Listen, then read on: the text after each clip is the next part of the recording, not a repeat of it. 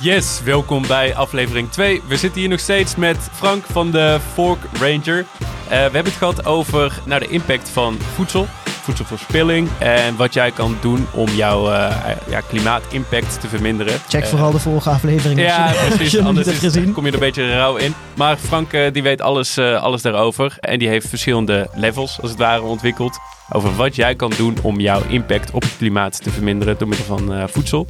Uh, nou, we hadden al besproken, uh, level 1, het allerbelangrijkste is uh, minder vlees eten. Dus je mag het nog steeds vlees eten, geen zorgen, het is helemaal oké. Okay. Alleen het moet een stuk minder zijn. Rundvlees is het allerergste. Dat moet je vervangen door varken of kip. of kip. Dat mag, mag nog steeds. Level 2, wat was dat? Dat was minder voedsel verspillen.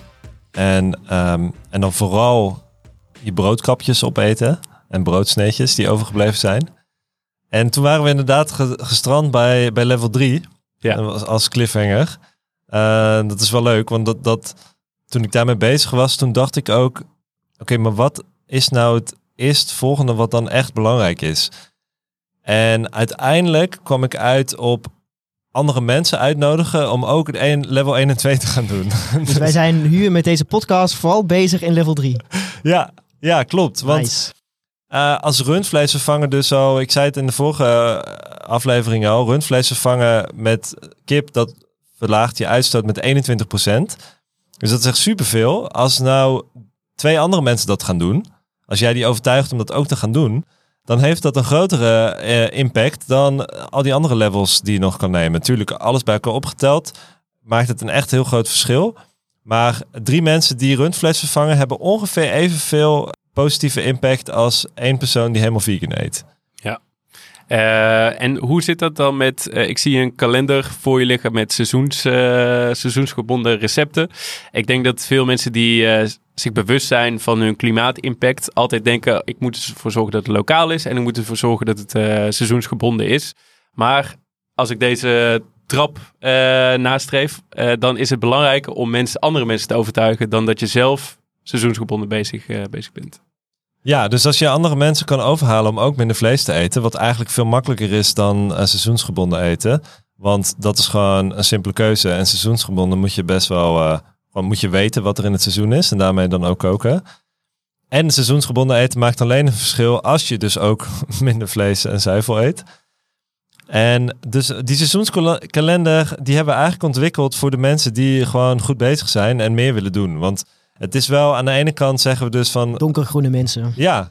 Uh, en ook lichtgroene mensen die meer ambitie hebben. uh, maar er zijn gewoon... Ja, je weet ook gewoon dat het allemaal niet goed is wat je doet. Dus je wil wel meer. Uh, maar hoe dan? Dus we, aan de ene kant zeggen we dus van... Maak je niet te druk over al die dingen. Als je gewoon minder vlees eet, minder voedsel verspilt... en ook minder kaas daarmee begint. Want dat is level 4. Uh, sneak peek. Sneak peek. uh, dan, dan ben je gewoon goed bezig. En natuurlijk kun je altijd meer doen. En seizoensgebonden is dan een van die dingen die je ook kunt doen. En we hebben die kalender vooral gemaakt. Niet zozeer vanwege de echt dat het superveel uh, CO2-impact scheelt als je dat doet. Maar vooral omdat het goed voelt. Omdat, het, omdat het je terugbrengt in verbinding met de natuur, de seizoenen. En dingen ook lekkerder zijn, ook wel goedkoper zijn. Dus het, het, het is gewoon iets wat uiteindelijk ook moet in een duurzaam voedselsysteem. Niet de hoogste prioriteit op dit moment. Maar als je er klaar voor bent, is het een hele mooie stap. Ja, ja en het uh, brengt ook de focus op uh, de groente zelf. Ja. Dus uh, ja, afwisseling in recepten. Exact. En daarmee, dat is, dat is een heel goed punt. Want dat is dus het andere. We hebben het altijd over minder van dingen. Maar er zijn ook dingen die daar tegenover staan waarvan we meer moeten eten. En, Zoals? Uh, dus een groente en fruit. Ja, dat was uh, één koppeltje. Ja. ja ik ben er weer ingestonken, hè? ja. Uh, en de andere is noten en peulvruchten. daarvan moeten we echt veel meer eten. Alle noten of zijn er bepaalde noten die, die beter zijn? Ja, als je kijkt naar waterverbruik, dat is vooral het enige waar noten zijn echt super duurzaam, behalve op water. En voor mensen die allergisch zijn. En voor mensen die allergisch zijn, ja, dat klopt. Uh, dat is ook nog wel een uitdaging. Maar ja, daar, daar wil ik eigenlijk niet over beginnen, want dat is zo ingewikkeld en het verschilt zoveel per, uh, oh, gewoon met een amandel of die uit Californië komt of ergens anders vandaan. Dat het eigenlijk ook weer zoiets is wat gewoon te ingewikkeld is als consument. En dat je eigenlijk moet zeggen, over het algemeen uh, gemiddeld gezien moeten we meer noten eten met z'n allen in plaats van vlees. Dus laten we dat dan gaan doen. En dan moeten er nog wel boeren zijn die hun best gaan doen om de notenproductie ook te verduurzamen. Dat hoort er ook bij. Maar dat is buiten soort van onze keuzes die wij in de supermarkt maken. Dus eh, nou, ik, ik zit denk ik in, eh, in level 2 of 3. Ik eet bijna geen vlees. De volgende stap zou zijn om minder zuivel te eten. Dat is iets wat ik heel lastig vind. Maar het is dus gelukkig, waar ik nu mee aan de, aan de slag kan gaan, is eh, vegan parties organiseren. Dus me- mensen overtuigen van het lekkere vegan eten. Ja, mooi. Dat is, dat, dat is level 3 eigenlijk. Eh, vegan, of gewoon eh dinnerparties of eh, inderdaad mensen uitnodigen. En je bent er echt niet, je bent niet de enige die level 4 of gewoon minder zuivel lastig vindt. Want de meeste mensen die beginnen met minder vlees eten, die vinden het eigenlijk verrassend makkelijk als ze er eenmaal mee bezig zijn. En dan de echte uitdaging is vooral kaas. En ja, dat is gewoon zo, dat zal ik ook niet omheen draaien. Ik vind kaas ook echt super lekker. En het grote probleem is dat me- de meeste vegetarische recepten, die vervangen vlees met kaas. Ja. En Dat vind ik altijd heel vervelend. Ik ben heb lactose-intolerantie, dus ik vind het heel vervelend dat dat altijd zo is. ja, het is gewoon, ja, dat is gewoon de makkelijkste manier om het te doen. Maar ja, dan, dan, het is wel een beetje beter natuurlijk. Maar we schieten nog niet super veel op als we overal heel veel kaas doorheen gooien. Want even voor de luisteraars, dat is omdat de- het van runderen komt. Ja, dus het is eigenlijk niet. Ik heb daar zelf ook nooit bij stilgestaan. Maar als, een, als rundvlees dus de hoogste uitstoot heeft. Ja, melk komt ook van, van koeien. Eh, en dat is dan iets minder hoog, omdat je die koe niet eh, doodmaakt ervoor. Maar die koe moet wel heel veel eten hebben. Die heeft heel veel land nodig. Die stoot methaan uit. En dat, dat allemaal zorgt ervoor dat, dat melk een verrassend hoge uitstoot heeft. Dus de, in totaal, dus als je gewoon alle, alles bekijkt, de totale uitstoot van ons eh, voedselpatroon, dan is de uitstoot van alle zuivel die we eten meer dan twee keer zo hoog als eh, de kip, alle kip. Dus na rundvlees heeft zuivel de hoogste uitstoot totaal gewoon, omdat we ook zoveel eten. Dus het, da- daarom is het ook zo'n ding, omdat we 's ochtends beginnen met een schaaltje yoghurt, dan 's middags heb je twee, drie plakken kaas op je broodje, Eh, misschien 's middags nog een ijsje eten. Er stoken melk in. En eh, dan s'avonds avonds koken met crème fraîche en wat kaas in een ovenschotel. Ja, dan, dan heb je dus misschien nog een cappuccino. Dan, dan heb je heel wat porties zuivel op een dag binnen. En het is niet zo dat we dat, dat, dat allemaal weg hoeft. Maar daarin moeten we dus ook weer van 4, 5 porties zuivel naar, ja, ideaal gezien eigenlijk één portie zuivel per dag. Maar is het dan ook beter als je dit vervangt met kip? Ja, Dus kip, kip in je cappuccino. Kip-ijsje? nou, als je dus... Stel, je hebt de keuze tussen een recept met 200 gram kaas en 200 gram kip. Dan heeft de kip inderdaad een lagere CO2-footprint. Oké. Nou, als je natuurlijk heel, meestal kook je zo dat je iets meer vlees gebruikt dan kaas. Dus daarin, als je naar portiesgroottes kijkt, dan eh, is het soms een beetje hetzelfde. Maar, maar dus bijvoorbeeld op brood is het wel, gaat het wel, die eh, rekening werkt die wel goed. Want een, een, zo'n eh, plakje kipfilet, het is ongeveer hetzelfde als een plakje kaas. En die heeft dus een iets lagere uitstoot. Zo. Interessant. Ja, dat is, Ja. wel, dat is wel, eh, ja, ik denk dat dat de meest eh, ongemakkelijke is van, eh, van alle duurzaam eten, is de, is, is de kaas. Aan de andere kant, het soort van, als je het positief wil benaderen, Kipnuggets zijn heel lekker. kipnuggets zijn heel lekker. Eh, Goed argument. Ja. en dat zei iemand een keer tegen mij. Dus het van, zij eh, volgt ook Forkwench al een tijdje en probeert een beetje haar man mee te krijgen. En dus zij vertelde dit, eh, dat, eh, dat kaas dus een hogere uitstoot heeft dan, dan kip en, en ook varkensvlees. En toen was zijn conclusie dus, oké, het is dus beter om af en toe salami te eten dan elke dag kaas. Dus gewoon... eh, en dan denk ik weer, oh, dat is eigenlijk goed nieuws voor alle vleesliefhebbers. Tuurlijk, een beetje ka- minder kaas eten is niet makkelijk. Maar dat, daar tegenover staat wel dat je dan af en toe nog wel gewoon salami mag eten. Ja, het is een trade-off. Je kan zelf eh, je, je dieet, dieet zo samenstellen dat je eh, voor en lekker en voor CO2, nou positief wil ik niet zeggen, maar minder Ja, Minder impact. Gewoon, ja. gewoon van allebei minder. Dan, eh, kun je van, dan kun je eh, allebei nog houden als lekkere luxe product. Ehm, maar ben je wel heel goed bezig. Nice. En hoe zit eh, vis in deze Ja, verhouding? vis is ehm, net iets lager of ongeveer vergelijkbaar met kip. De wilde vis, wild gevangen vis, heeft eigenlijk niet echt een CO2-footprint, want die zwemt gewoon wild rond. Maar daar is het grote probleem natuurlijk dat ze gewoon eh, dat, dat steeds minder van zijn en dat we te veel van vangen en de manier waarop we ze vangen totaal super schadelijk is, heel veel bijvangst. Eh, dus dat is ook Plastic niet... misschien ook? De, van de Plastic visnetten. vervuiling van de visnetten, daar zit gewoon een hele andere soort problematiek aan. Eh, maar dat is absoluut een issue. Dat, dat kan ook duurzaam. Alleen op dit moment doen we dat gewoon niet. Ook weer vanwege de hoeveelheden. Maar eigenlijk, volgens mij, ik weet niet uit mijn hoofd, maar, maar volgens mij de helft van alle visproductie nu is al kweekvis.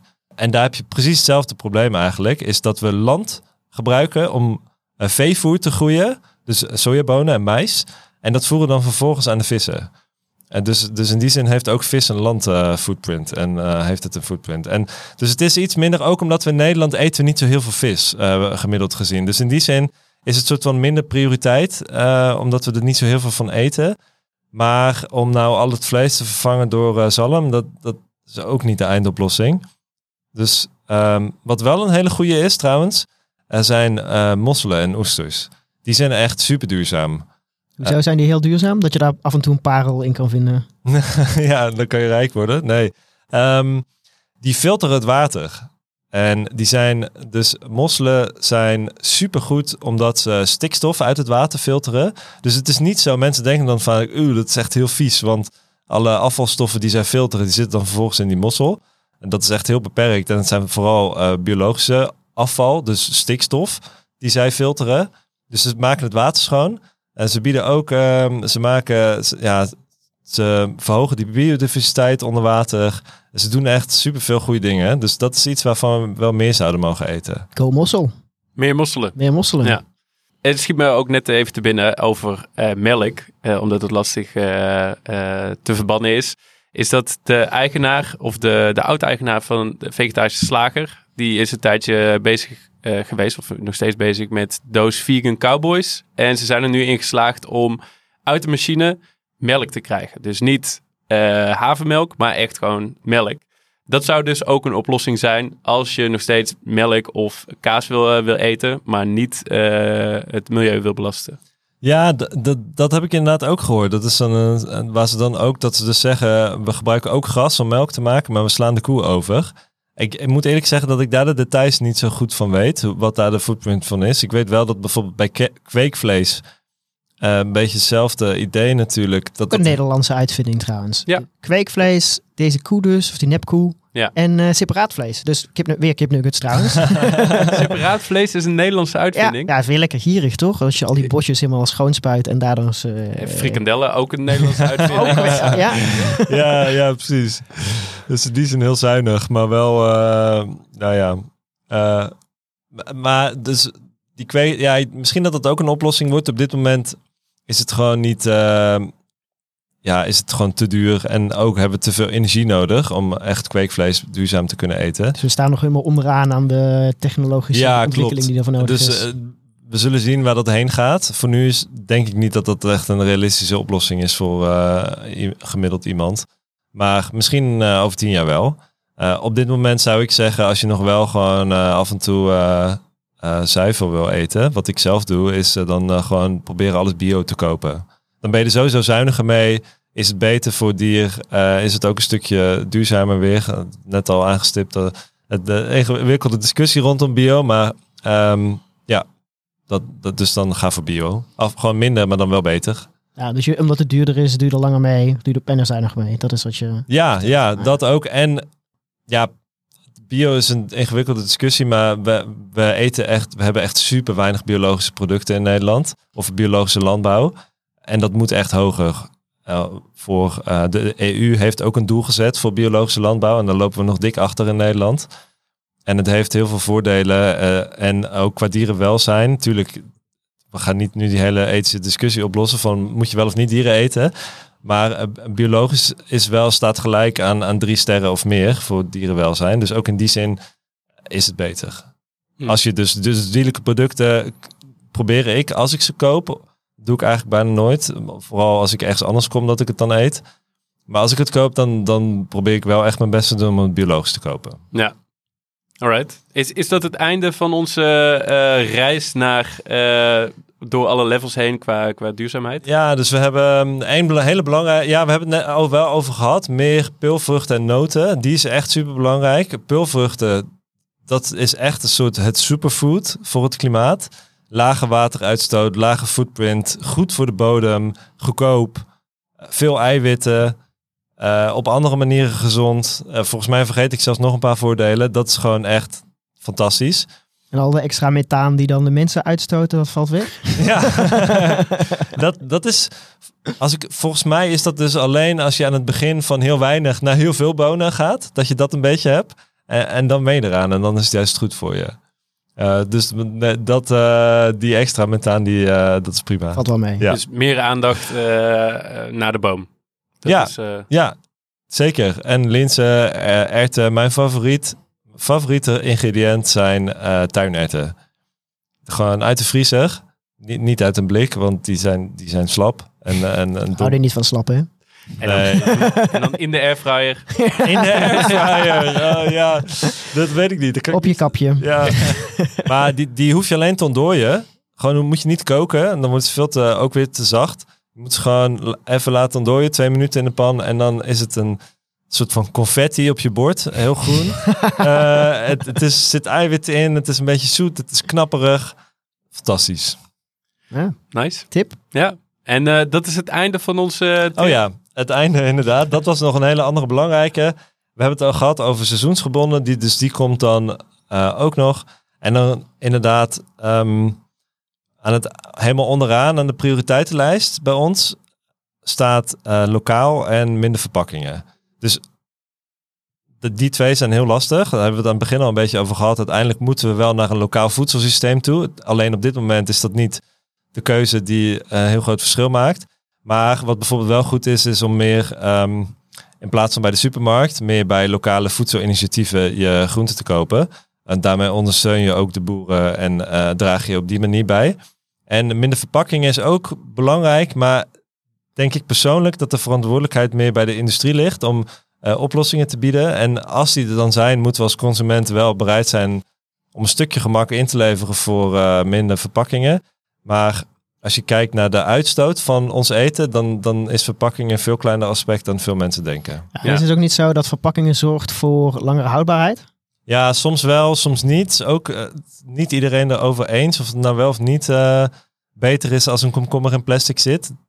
Maar het, het grote punt is dus dat die komkommer zelf, dat, dat is waar het om gaat. Eh, die heeft dan een hogere footprint dan die verpakking. En natuurlijk moeten we ook minder afval. Dus minder afval en vervuiling is eigenlijk ook weer net een ander onderwerp dan CO2. Dat, daarvan ben ik me ook wel bewust. Maar ehm, ja, de, de oplossing daarin eh, is gewoon moeilijk. Het is ook super frustrerend als je best probeert te doen om zero waste te zijn in de supermarkt. Kan gewoon niet altijd. Eh, en je hebt ook niet oneindig veel aandacht als je super, eh, in de supermarkt staat. Want je bent dan moe en je hebt honger. Eh, dus daarin vinden wij van, dan kun je beter de dingen gaan doen die echt belangrijk zijn om als consument een andere keuze in te maken. Er zijn heel veel andere dingen die, waar we moeten verduurzamen, maar vanuit de consument, soort van de gedragsveranderingskant, daarin is eten super belangrijk en dan zijn er een aantal dingen die echt groot verschil maken. Oké. Nou, we zijn aan het einde van onze duurzame reis dan eh, gekomen. Eh, ik, voel, eh, ik voel me helemaal goed. Eh, en ik denk, nou, nu kan ik vervolgens met het vliegtuig op vakantie gaan. Hoe verhoudt dat zich tegenover de stappen die we nu net hebben gezet? Ja, weet of je nog naar Ibiza kan. ja, precies. Even een weekendje op en neer met het vliegtuig. Ja, dus. maar geen melk aan boord drinkt, dan is het Nee, goed, dus nee, blijkbaar. nee. Totaal geen melk. ja. ja, dus ehm, de gemiddelde Nederlander, zijn de uitstoot van het voedingspatroon is ongeveer anderhalf tot 2 ton CO2 per jaar. Eén retourtje naar New York vanuit Amsterdam is 2 ton. Dus ehm, met andere woorden, één lange vliegvakantie en al je vooruitgang is weer niet gedaan. Tenminste, zo, dat lijkt het dan als je naar de alleen CO2-cijfers kijkt. In de praktijk is het iets ingewikkelder, want ja, het, vliegen is gewoon heel ingewikkeld, vind ik. Want het, het heeft echt, vliegen is per euro die je uitgeeft de hoogste uitstoot. De beste investering om uh, die Ja, de beste uh, investering om het klimaat uh, te verpesten is, is meer te vliegen. Um, dus daarin is het echt iets wat we ook als luxe product moeten gaan zien. Het, het is gewoon, het heeft onwijs veel energie kost het om, om zo'n heel, zo'n uh, zo'n stalen constructie de lucht in te hijsen. En aan de andere kant is het, ja, soms is het misschien nodig om te vliegen als je familie wil bezoeken die heel ver weg woont. Of van de praktijk is lastig, dat snap ik. Er zijn mensen die zeggen ik vlieg nooit meer. Zelf kies ik ervoor om het heel af en toe nog te doen. Dat is ook wel makkelijk, want ik heb het in het verleden wel veel gedaan. Dus dat, dat is ook niet helemaal fair. Maar goed, dat is hoe ik ermee omga. Je hebt zelf gezocht in, uh, in Thailand. niet in Thailand, maar wel in, uh, in de bergen in Zuid-Amerika. Ja, kijk. ook een hele goede plek om te zoeken. Ja. maar daardoor ben je tot deze inzichten gekomen. Dus uiteindelijk, ROV-wise, ja, is het een uh, goede ja, ja, ja. Als, genoeg, als, als, deze podcast nou genoeg mensen bereikt, dan is het allemaal weer goed. Komt goed, komt goed. Zorg ervoor. ja, dus daarin denk ik ook gewoon, oké, ook minder, eens in de zoveel jaar, uh, dat we daar naartoe moeten. En dan in verhouding tot de andere dingen die we nog kunnen doen. Dus uh, als consument een aantal andere belangrijke duurzaamheidsaspecten zijn minder spullen kopen, minder autorijden, meer fietsen en lopen en OV. En je huis duurzamer maken. Dat zijn een beetje de dingen die een verschil maken.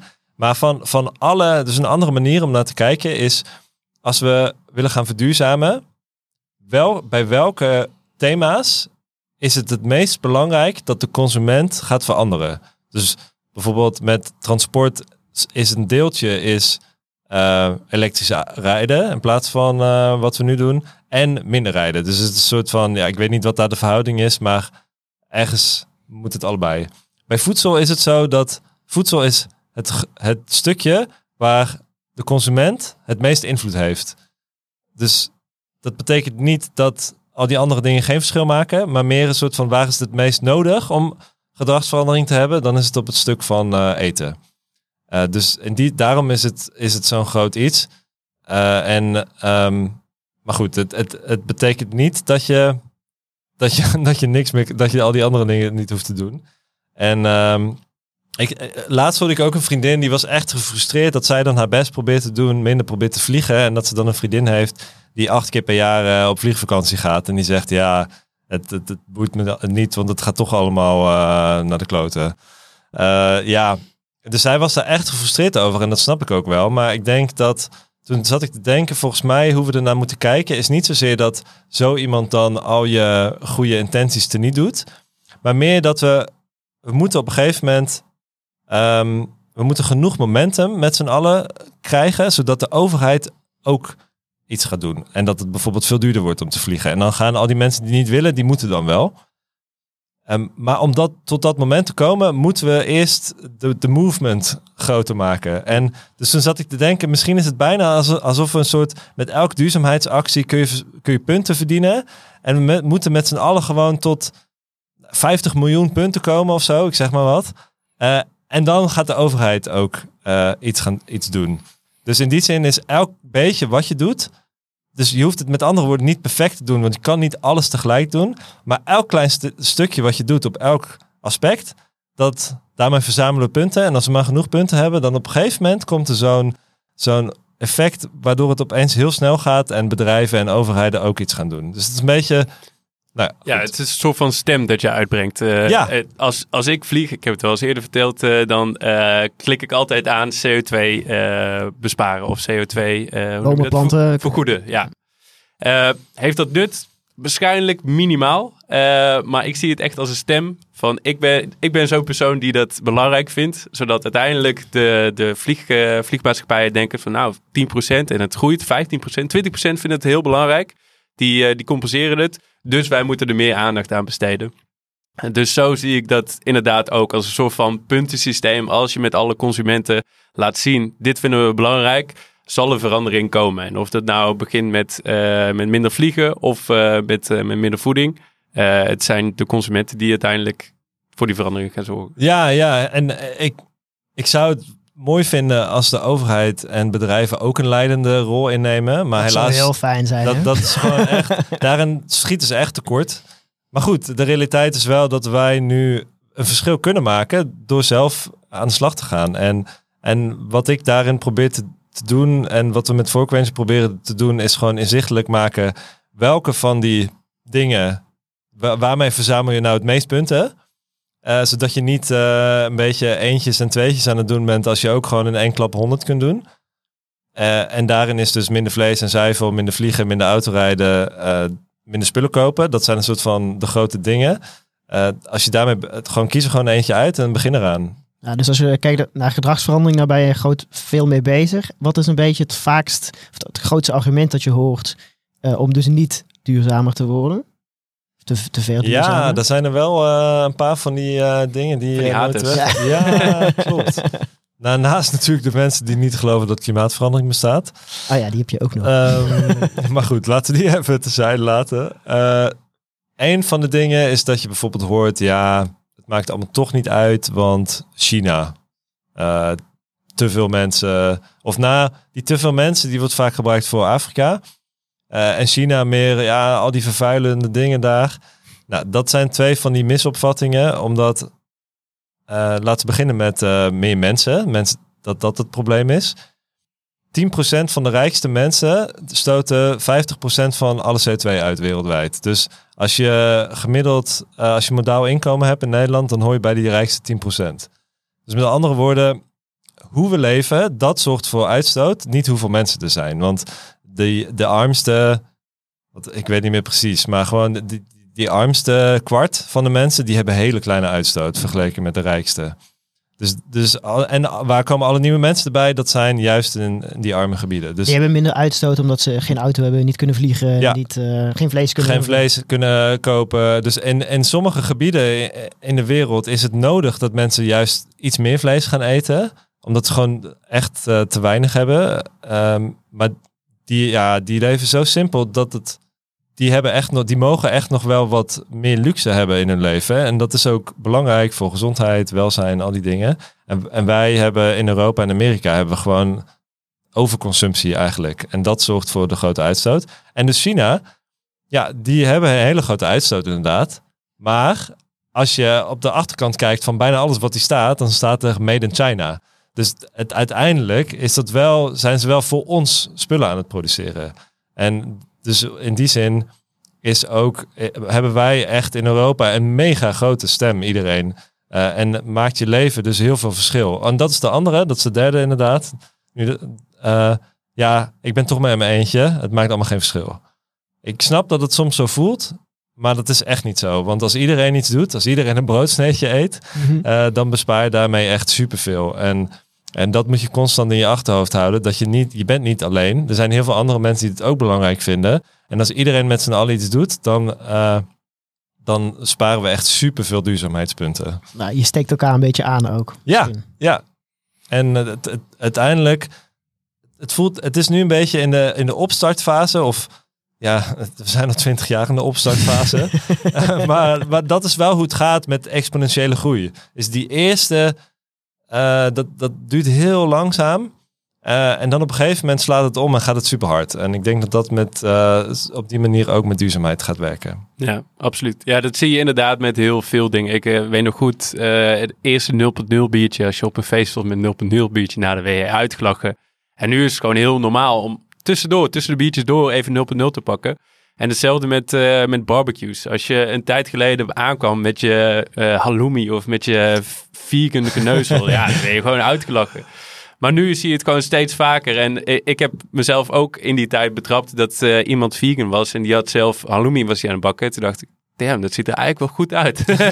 Misschien moet ik dat ook gaan doen. Ja, En dat is inderdaad die, ehm, die impact die je hebt om op dat soort momenten te kiezen voor vegan. Je, je doet het niet alleen voor jezelf, maar je Halloumi is eh, lactose, toch? is Of kaas, is inderdaad niet goed. Maar Nee. vergeleken met een biefstukje, Ja. heb ik net geleerd, toch wel een stuk beter. Eh, maar ja, zo werkt het inderdaad. En eh, ja, ik, we zitten gewoon midden in die, die transitie. Gaat het snel genoeg? Denk het niet. Maar het- ja, we zijn in ieder geval bezig. Wat ik zelf altijd hoor is dat een van de argumenten is dat vegan eten, dus dat heel veel soja is. Hè? Want je hebt eh, tempeh en eh, hoe heet die andere? Tofu. dan? Tofu, inderdaad. Ehm, en dat ze daar heel veel bossen voor kappen en dat dat dus heel veel moet groeien en dat dat dus ook een hele grote impact heeft. Wat is, Ja, wat is ik vind dat echt. Ik vind dat zo interessant dat iedereen dit dat, weet. dat zeg je lief. dat, ja, nou, ik vind het heel interessant. Ik, ik vraag me echt af. eh, ik vraag me echt af hoe dit is gekomen. Het moet bijna wel een soort lobby zijn. Dat iedereen heeft gehoord dat soja voor, ehm, eh, ervoor zorgt dat bos gekapt wordt. Maar dat bijna niemand weet dat 77% van alle soja veevoer is. Dus ja, soja inderdaad zorgt voor eh, ontbossing. Maar dat komt wel omdat we het allemaal aan varkens en kippen voeren. Eh, en ook aan koeien. En vissen dus blijkbaar. En vissen ook, inderdaad. Dus ja, dat is echt. eh, d- het is bizar hoe vaak je die hoort. Die hoor je bijna altijd. Je wordt geconfronteerd met gedrag wat niet duurzaam is. En dan ga je redenen verzinnen waarom dat toch niet zo is. Of waarom je toch niet hoeft te veranderen. En dat is een heel menselijke reactie. En ik denk dus dat we wat, wat nodig is, is dat we mensen een soort veilige, soort safe space geven om toe te geven dat hun gedrag slecht is. Of dat dus hun gedrag een te hoge footprint heeft. Dat is best wel een soort van dat mentale proces dat je zelf toegeeft van, oh ja, mijn leven is niet altijd positief in die zin. Dat is best wel lastig. Dus ik denk dat we daar een soort dat veilig moeten maken en, en ook niet te fel moeten zijn of te veroordelend. Want als mensen het één keer toelaten en één klein stapje zetten, ja, dan, dan zijn ze bezig. En dan beginnen ze eraan en dan gaat het steeds verder. Maar die eerste stap is het moeilijkst. Nice. Ja. ja, ik ben het kijken naar de tijd. We, zijn, we zitten er alweer eh, doorheen. Ik heb nog genoeg dingen om te vragen. Nog een derde aflevering? Is dat, eh zit het? Tuurlijk. Ja, leuk. leuk. Let's go. Nou, luisteraars, dankjewel voor het luisteren. Ehm, de, alle bronnen die zijn gebruikt, die kun je vinden op de show notes. Die kun je vinden op www.semi-interessant.nl slash show notes. En we zien jullie graag eh, de volgende keer weer terug. Yes, tot de volgende keer. Ciao, ciao.